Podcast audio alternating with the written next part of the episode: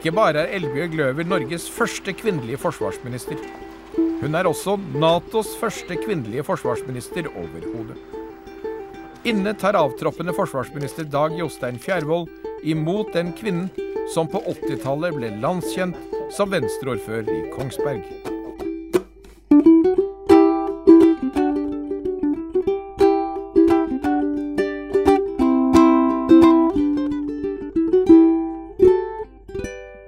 I dag skal vi se tilbake på tiden i statsrådskontorene for Venstres eneste forsvarsminister i nyere tid. Eh, hun ble Norges første kvinnelige forsvarsminister da hun tiltrådte i 1999, da Kosovo-krigen herjet i Europa. Hjertelig velkommen til Fire nye år, Elbjørg Løver. Tusen takk.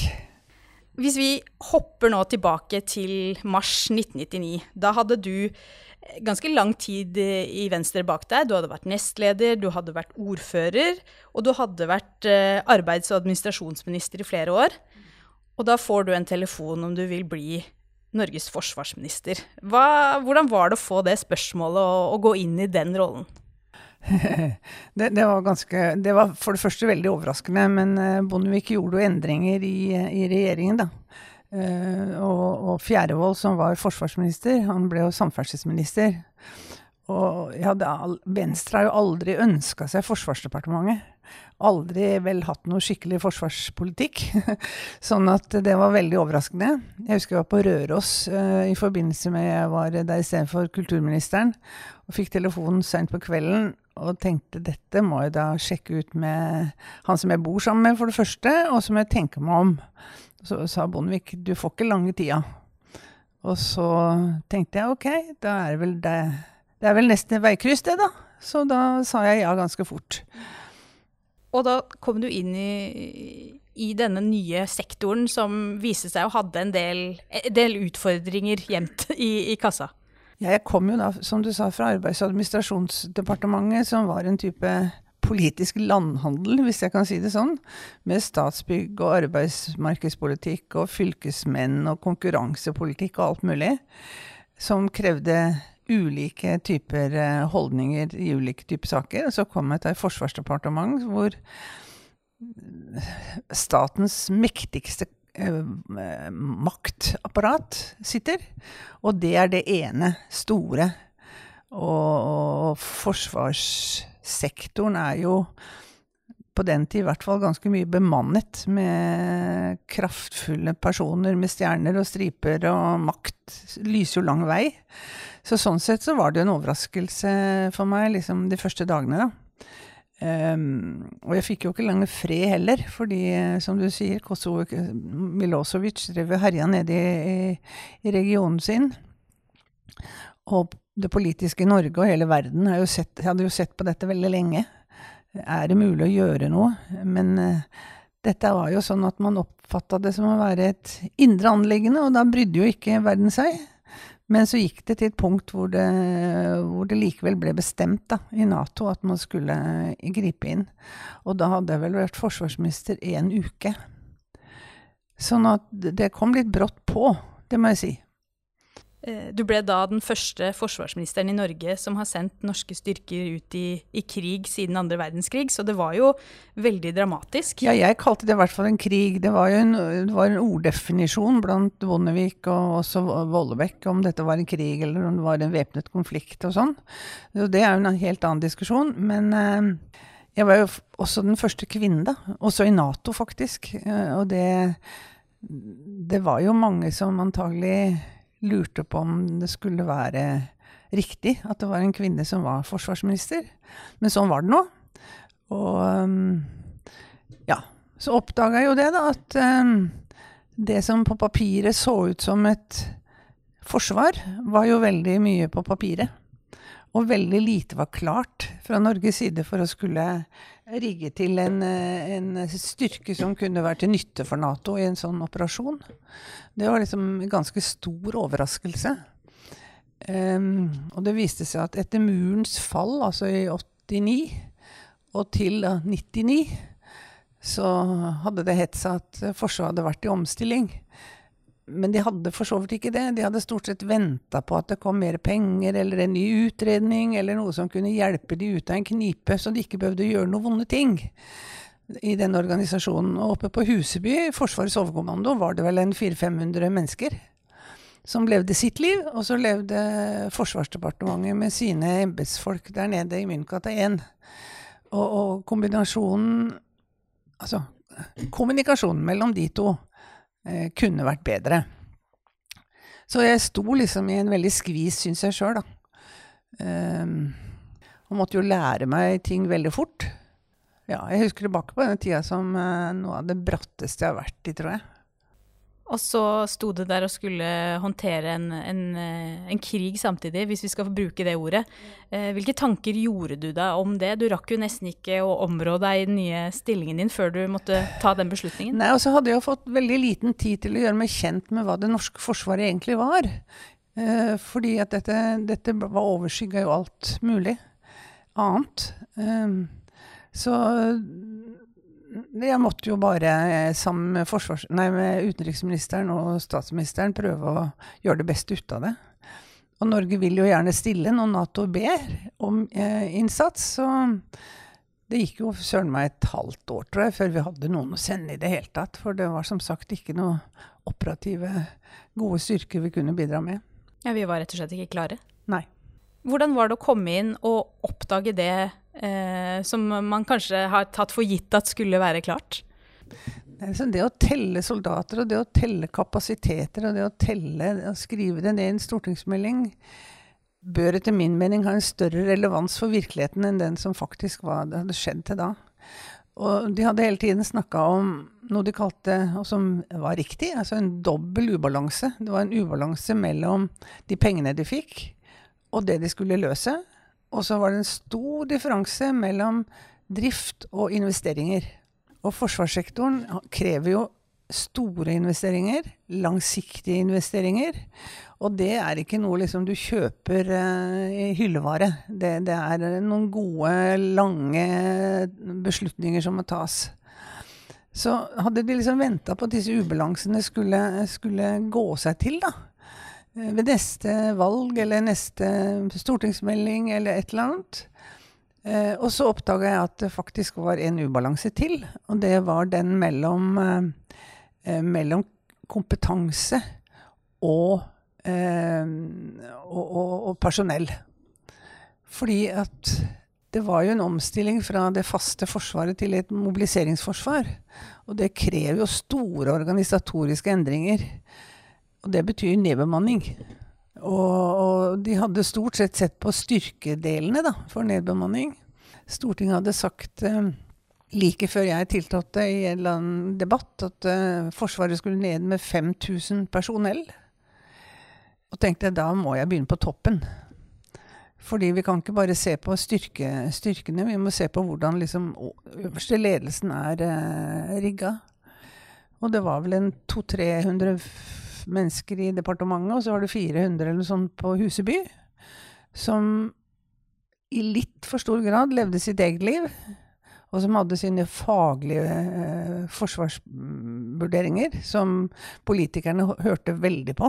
Eh, den som satt i forsvarskomiteen da, var veldig, veldig lydhøre for de faglige innspillene. Mens eh, departementet var mer noen som Det var ikke det beste forholdet, da. Så da, det var da jeg satte i gang dette som etter, ettertid er kalt Holmenkollen-prosessen. Hvor jeg innkalte toppene både i Forsvaret og i departementet og sa at sånn kan ikke jeg ha det hvis jeg skal klare å løse de oppgaver som Stortinget har gitt meg, så her må vi gjøre endringer. Og det, det krevde mer styrke enn jeg trodde jeg hadde. Fordi det var eh, Der møtte generalene og var veldig høye og mørke. Og jeg var en dame som ikke engang hadde hatt uh, førstegangstjenesten. Så, så, det var, det var en, en, skikkelig kamp. Da endte vi opp med noen føringsprinsipper, fordi det var bestandig sånn at som jeg sa i sted, man ventet på en utredning som kunne gjøre noe, at man liksom slapp å gjøre det man hadde behov for. Så da vedtok vi noen prinsipper for hvordan, hvor vi skulle hen, og så fikk vi gå veien etterpå. Og det, det skapte store motreaksjoner i, i, eh, i hvert fall eh, hos de fagmilitære. Ja, så var det jo da en, en statsråd fra Venstre, og det var jo uvanlig oppi miksen, det òg. At det var en statsråd fra Venstre som skulle gjøre så harde grep og bokstavelig talt da dra de etter øra og låse de inn på Holmenkollen for å nå, nå, må vi prate sammen her. Ja, ikke sant. Vi må det. Og ja, jeg vet ikke om du vurderte om det var så mye fra Venstre. Jeg tror mer at det var en jeg det var en kvinne, men jeg merka ing... Jeg mottok aldri noe sånn direkte ubehag rundt det. Eh, for jeg sa veldig tydelig til dem at jeg er ikke i veien for dere, jeg er her for å, for å hjelpe til å få et best mulig forsvar for Norge. Så jeg, jeg skal ikke bli general, så bare, bare pust hjernen deres. ja. Men hvordan gikk det i ettertid med den prosessen?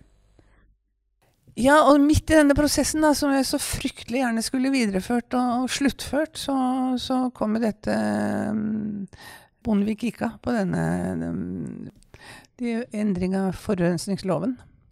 Så etter meg kom um, Bjørn Tore Godal.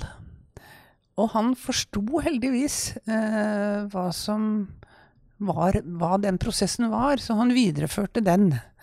Men han satt jo bare også et år. ikke sant? Så kom Bondevik II, og så kom det enda en ny forsvarsminister som vel var mer interessert i de operative styrkene enn i de organisatoriske grepene. Så jeg er ikke i stand til å bedømme den prosessen, men eh, som sagt, jeg skulle gjerne videreført den sjøl, altså. Mm.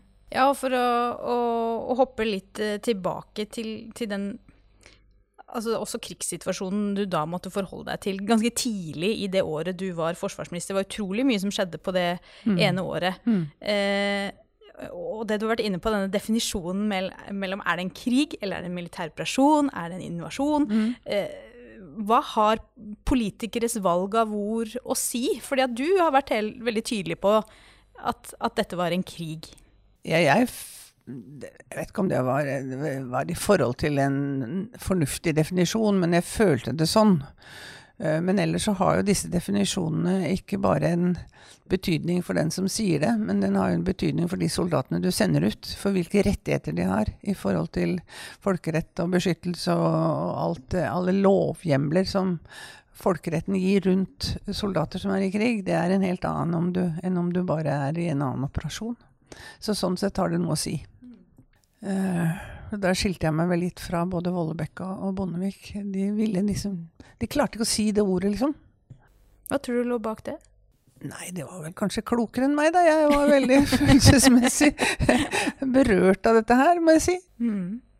Ja, og du kom jo inn i forsvarsministerposten som den første kvinnen, med en litt annen da lederstil, og du er jo kjent for å være rett fram og, og være ærlig på, på, det du mener og det du føler. Og du, du tok jo også og felte en tåre på Venstres landsmøte når du snakket om Ja, det gikk Det, det, var, en, det var, en, veldig følelsesmessig ladet uh, periode for meg. Men jeg, jeg kom jo fra Kongsberg, og vi hadde jo vært igjennom når jeg var ordfører en ganske krevende omstilling når eh, staten trakk seg ut fra Kongsberg Vognfabrikk, og det ble 20 nye bedrifter med nye eiere og alt. Det var en, det var en skikkelig omorganiseringsprosess. Og i den, i den sammenheng, kom jeg på det, altså i den sammenheng eh, Heistadmoen ligger på Kongsberg, og der hadde Natos Nordkommando en stor øvelse når jeg var ordfører. Og jeg skulle ut og hilse på dem. Det var en, eh, en general som jeg ikke husker navnet på i øyeblikket. Alle, alle, lands tropper var eh, oppmarsjert på den store plassen med uniformer og geværer og alt som trangs i en sånn sammenheng. Og så sier denne generalen eh, til sine soldater, altså i hele Nord, Nordkommandoen Og så pekte han på meg og så sa han, hun er vår sjef. Det er politikerne som er sjefen vår. Og det satte seg veldig fast hos meg. Sånn at uh, liksom den politiske rollen og den fagmilitære rollen var så veldig viktig å holde, holde, fast ved. For du ser i andre land hvor det ikke er tilfellet, så er jo ikke akkurat det sånne systemer vi vil ha. Nei, og det er jo også med tanke på denne lederstilen, det at det faktisk er rom for følelser, da. Og, og, ja. og den menneskeliggjøringen av, av hvor heftig beslutninger dette faktisk er. Ja, altså det berørte jo mange mennesker, ikke sant. Og familiene deres. Og det å være ute i utenlandsoperasjoner er eh, viser seg i ettertid. Det er mange som strever med, ettervirkninger av det. Så det skal man ikke ta lett på. Og da du var forsvarsminister, så, så var det Knut Vollebekk som var uh, utenriksminister for KrF. Eh, og han har jo senere uttalt dette med internasjonale operasjoner, som han da kaller det, at Norge og det internasjonale samfunnet ofte svikter litt disse fredsprosessene som man går inn i, fordi man ikke blir lenge nok. Og han, han mener jo da at man må være der i minst 20 år hvis det skal ha noe for seg i det hele tatt. Blir man litt for reaktiv i forsvarspolitikken eh, når man eh, trekker tilbake styrkene sine så fort som mulig? Vollebekk var jo i tillegg eh, sjef for OSSE i den perioden, så han hadde jo både den ene hatten og den andre hatten. Eh, ja, altså Jeg tror man skal ha lært eh, seinere, og ikke minst av Afghanistan, at man lager ikke fred med bare med militære styrker. Man må ha sivile prosesser og, og ledere som vil ha fred. Ellers så går det feil.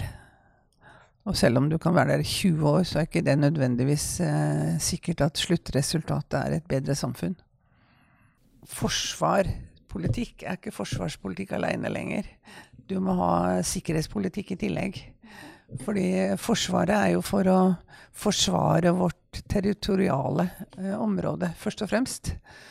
Mens det vi egentlig kjemper for å beholde av demokrati og holdninger og sånn, det angripes jo av helt andre krefter. Og det merka jeg jo de åtte årene hvor jeg ledet eh, Stortingets kontrollorgan for de hemmelige tjenestene. Hvordan eh, man prøver å undergrave demokratiet vårt eh, på andre måter enn ved å prøve å gå ved landegrensen. Sånn at forsvars- og sikkerhetspolitikk blir mer og mer et, et tema som bør henge sammen. Blir man fort litt for naiv i møte med dette? Eh, vanlige folk? Ja, ja, ja. Datasikkerhet og personvern og sånn. Folk er jo helt Jeg har ikke tenkt å gjøre noe gærent, sier folk. Som blir bare undergraves i eh, hele personverntankningen skritt for skritt. Og det har jo vært eh, et politikkområde som Venstre egentlig har holdt fast ved i lang tid. Ja, og det burde de holdt uh, mer i, syns jeg. Jeg syns noen debatter har vært altfor fraværende når det gjelder det. Og det blir vanskeligere og vanskeligere å forsvare det. Og, og, de tjenestene som vi har satt til å passe på oss i en sånn situasjon, de får flere og flere virkemidler, metoder til å, å sikre oss, som, men samtidig er et uh, trussel mot den enkeltes frihet. da. Mm. Altså For å stille et veldig tabloid spørsmål, men uh, som jo er litt innpå dette her. altså Hvis du skulle vært forsvarsminister i dag, hvis du skulle hatt én eller to saker høyest på agendaen din for å, for å sikre norsk sikkerhet, hva ville du prioritert da? Som forsvarsminister så ville jeg nok måtte være en talsmann for den maktapparatet som Forsvaret er. Men det går jo an å forberede en langtidsplan for Forsvaret f.eks. For ved å nedsette utvalg som ser breiere. Altså en en eh, forsvarssikkerhetspolitisk eh, fordi at bak, altså Grunnlaget for de beslutningene man tas, må jo bygge på kunnskap om hvordan verden ser ut. Og hvis verden er sammensatt av både forsvar og sikkerhetspolitikk, så kan du ikke liksom være enøyd. Du må, du må tenke at du må også ivareta den andre, andre delen, som er sivilsamfunnets ja, grunnpilar. Verdiene våre. Litt senere, da, mot slutten av, eh, av din tid som uh, forsvarsminister. Én dag faktisk før Slobodan Milosevic overlot Kosovo til Nato, så overleverte du stortingsmeldingen din til Stortinget som het 'Tilpasning av Forsvaret til deltakelse i internasjonale operasjoner'. Som kanskje var den mest ambisiøse opprustningsplanen for norsk militær fredsinnsats. Og som da kom fra en regjering som hadde gått ut fra KrF og Venstre. Kan du fortelle om litt det arbeidet som lå bak? Det, en av de første debattene som var eh, etter at jeg ble forsvarsminister, var eh, Natos nye strategiske konsept. Hvor man jo gikk out of area. Og man trang jo da, i forlengelsen av en sånn strategi, en, altså en norsk strategi for hvordan man ville delta i disse internasjonale operasjonene. Um, det var for så Det var ikke så veldig mye motforestillinger mot den. Det var jo noen partier som var imot å gå ut av, uh, altså utover de nasjonale grensene, da. Men, uh, men det, var, det, var, en uh, kraftig endring. Veldig stor endring i, i, den norske forsvarspolitikken. SV var vel imot, men SV var jo for at vi gikk inn i Kosovo. Sånn, sånn også, og det, det har jeg lyst til å si i forlengelse av det at også SV var med på beslutningen om å uh, sende styrker til Kosovo. I 2005 så vedtok FN en resolusjon som heter The Responsibility to Protect. Altså hvis en, en, en statsleder eh, foretar etnisk rensning f.eks. av uh, grupper i sitt eget land, så har altså det store verdenssamfunnet ansvar for å gå inn på et tidspunkt og si at nå er det nok. Og det var jo det som skjedde i, uh, i Jugoslavia. Fordi det nytta ikke å bare si at dette er et uh, indre anliggende for, for Jugoslavia lenger. Så, så selv om det var en diskusjon om det var tilstrekkelig grunnlag for operasjonen eller krigen i Kosovo, så, så, så førte det altså til en FN-resolusjon i ettertid. Mm. Og som vi har vært inne på, så var det jo Du var først eh, som kvinnelig forsvarsminister i Norge, men du var det også i Nato. Ja. Eh, hvordan var det å, å, tre inn i det kollegiet og, og, sitte på møter i Nato på den tida? Det var litt underlig, da.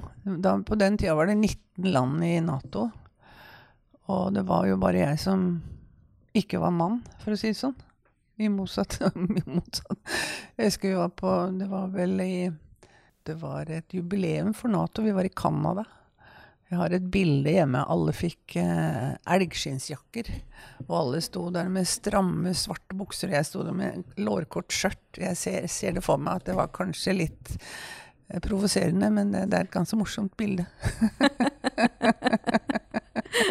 Men så går det da altså ett år og to dager fra du får denne overraskende telefonen og trer inn som forsvarsminister, til regjeringen Bondevik går av på, på gasskraftsaken. Eh, og det er jo et veldig hektisk år, som vi har vært inne på. Du har forholdt deg til Kosovo-krigen. Du har gjennomført eh, starten på Holmenkollprosessen. Altså satt i gang en prosess med å rydde opp eh, i, i liksom maktstrukturene. Mm. Du har lagt fram en stortingsmelding. Men, men hva husker du selv best fra det året? Altså, det som Alt var jo selvfølgelig sterkt, altså. Men jeg husker det var jubileum på Akershus festning. Og det var når Norge hadde sendt F-16-fly til, eh, til, Kosovo. Og da ville flyet åpne, fly i formasjon over Oslo for å markere det jubileet. Og så sa jeg nei, det får dere ikke lov til. Jeg vil ikke bruke F-16-fly i en sånn oppvisning når vi er i, i, i krig. Og det blei Luftforsvaret eller Da ble de litt uh, lei seg eller skuffa over det. Så sa de men når, når, det, når, det, passer, så skal du fly F-16. Så det gjorde jeg da. Og det er jo en sånn uh, rystende opplevelse opplevelse du, og, og, gledelig også, for den del, som du aldri liksom slipper tak i deg. Så da kledde jeg på meg både det ene og gikk i legesjekk og kjørte F-16 fra, fra ja, langt nordfra helt til Bodø Nei, fra, uh, nordfra til Trondheim. Og da ble jeg tatt inn i den forsamlingen med Der satt det gutter uh, som var inne for første gang. Og så tok de meg opp på scenen i full uh, sånn mundur fra F-16. Og så sa de hvem jeg var. Og jeg kjente at kvalmen lå helt oppi her. men, men det, var en ganske, ganske spennende dag. ja, Åssen føltes det i kroppen? Var det full eh, ja, Nei, altså jeg, jeg, var jo engstelig for at jeg skulle både kaste opp og gjøre det ene, men det gikk fint. Ja, altså, men når jeg, gikk, når jeg, gikk, på land igjen etter, eller på jorda igjen etterpå, så var det nokså nok skjelven i beina. Ja. Ja, så, som vi har vært inne på, så dette var kun ett år eh, av en ganske lang politisk karriere. Men mm. det er også et år som har preget hele, hele, ditt liv, og som på en måte følger deg. Ja. Hvordan er det at det, det var dette året som skulle, skulle, bli ditt legacy, da? Det er uforklarlig. Eh, så det er ingen som sier 'Å ja, det var hun som var arbeids- og administrasjonsminister'. Det er ingen som sier, liksom. Det, det syns jeg gjorde det jeg kunne der òg, men eh, det er, det er, liksom noe sånn Det var noe grensesprengende over det som folk husker. Mm. Uh, og så hadde jeg to barnebarn på den tid som var Ja, jeg har de fortsatt, men nå er de voksne. Uh, som var veldig stolt av mormor. Mm. Som hadde kjørt F-16, og som var forsvarsminister. det husker jeg. Ja, det er jo ganske kult. Ja. Det, det, du, var det jo ingen andre som hadde. Nei, ingen. Men hva gjør man etter noe sånt? Altså for å holde på å si, Når man da går av, så er det som å skru av en bryter. Eh, Ja. hvordan opplevde du det? Nei, altså da må du jo se deg sjøl i speilet da, og tenke på liksom Hvem er du egentlig? Altså, du har levd ganske mange år og vært mange andre ting. Og så plutselig er du ikke forsvarsminister lenger, så da må du bare finne tilbake til det du var. Men eh, kan, kan vi ta en liten litt morsom historie? For vi hadde, det var mange år siden nå, tre-fire kanskje. Så sto jeg på, på Nationaltheatret-stasjonen og skulle ta tog til Kongsberg. Eh, Jeg hadde jeg leda jo EOS-utvalget i mange år. Um, og da kom en mann som prøvde å gå på En utlending, tydeligvis, som prøvde å gå på toget. På flytoget. Og der har du ikke lov til å gå på på Nationaltheatret. Så han så seg fortvila rundt, og så, og så spurte jeg om jeg kunne hjelpe med noe. For han, han var italiensk, men han snakka ganske godt engelsk. Så sa han jeg skal til Vestfossen. Ja, men da skal du ta det som heter L12, sier jeg. Jeg skal ta samme toget. Ja, så fulgte han etter meg da, helt til det toget kom. Og så satte vi oss på toget, og så begynte han å spørre hvem jeg var. Han, han skrev store bøker om kunstnere sjøl. Han var en eh, skikkelig kapasitet. Så fortalte jeg det, og så sa han det tror jeg ikke. Å? Nei, men du tar jo toget. Altså, en italiensk tidligere forsvarsminister hadde aldri tatt et tog. Så sa jeg, men altså, det var jo bare forsvarsminister til da, og etterpå det så var jo ikke det. Så det sier litt om styring, altså politiske rettigheter.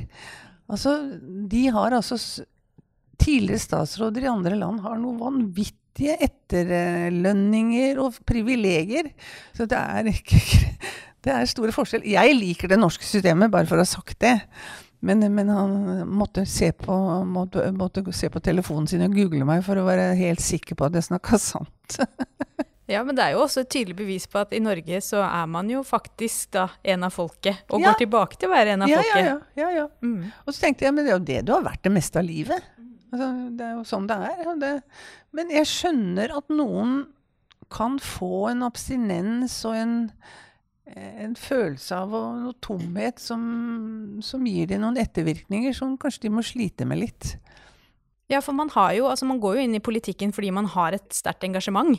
Og, og som minister så er jo det på en måte den, den ypperste man kan, muligheten til å Ja få utløp for det engasjementet. Mm. Eh, Så man må jo finne noe annet, da. Hva, hva fant du? Nei, altså jeg hadde jo da i flere år vært et, etter den omstillingen i Kongsberg-industrien, så hadde var jeg direktør i noe som heter Kongsberg nærings- og handelskammer. Som var et strategisk organ som skulle på en måte prøve å forstå det politiske, prøve å forstå industrien, og industrien skulle prøve å skjønne politiske prosesser. Dette var en sånn mellom En slags tolketjeneste, kalte jeg det, tror jeg. Så jeg hadde, hadde permisjon fra den i første omgang tre måneder, fordi alle trodde jo at Bondevik-regjeringen skulle være ferdig når statsbudsjettet skulle vedtas i desember, og dette var i oktober-september. Så, så jeg hadde permisjon fra det, så jeg gikk tilbake til Nærings- og handelskammeret og fortsatte der. Og så eh, egentlig et spørsmål som jeg kanskje burde stilt litt tidligere, for det som vi ikke har vært inne på, det er jo hvordan var det du fant veien inn i Venstre og inn i politikken? Hvordan var det du, du ramla inn i et politisk liv? Jeg var jo keramiker og hadde mitt eget verksted. Og, og hadde vel eh, hadde liksom ikke tenkt å gå inn i, i det, inn, inn i politikken. Men det var et par eh, venstrefolk som tenkte at jeg kunne passe til det. da. Så, så jeg begynte jo i det små. Begynte jo i eh, det som da heter bystyret. og Så kom jeg i formannskapet, og så ble jeg ordfører. Og da måtte jeg jo legge ned hele verkstedet, fordi politikk og keramikk gikk så veldig dårlig sammen. og siden da så var det ingen vei tilbake. Nei. Bare framover i nye retninger. Så, Mm. Sånn er nå livet. Ja, men du har jo også turt å si ja til de, de Ja ganske heftige spørsmålene du har fått underveis, da. Ja da. Mm. Har du noen gang kvia deg? Å ja. Jeg var, var egentlig ganske engstelig for å bli forsvarsminister, fordi det var liksom Ja, det var liksom en helt annen verden enn den jeg hadde levd i til da. Selv om jeg hadde uh, Heistadmoen på Kongsberg og forsvarsindustri og alt mulig, så var liksom ikke fagmilitæret det som, som lå mitt hjerte nærmest. Men du sa ja. Ja da. Jeg tror aldri jeg har sagt nei.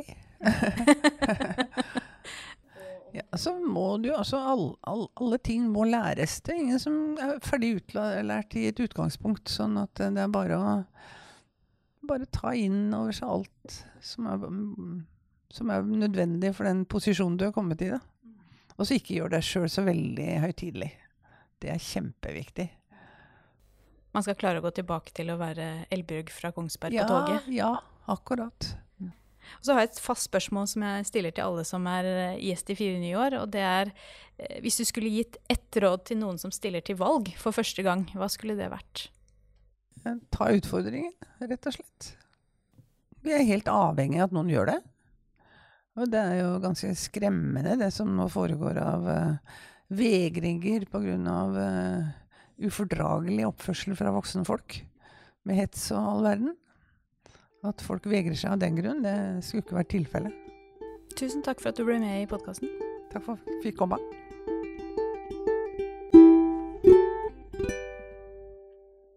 Likte du denne episoden, så kan jeg avsløre at Fire nye år ikke er helt ferdig med å prate med Elbjørg Løver. Vi har laget en bonusepisode som du finner i podkastappen din, hvor du møter Elbjørg Løver i samtale med Venstres forsvarsrådgiver på Stortinget, Håvard Sandvik. De flytter blikket til dagens politiske situasjon og spør seg hva er liberal forsvarspolitikk i dag?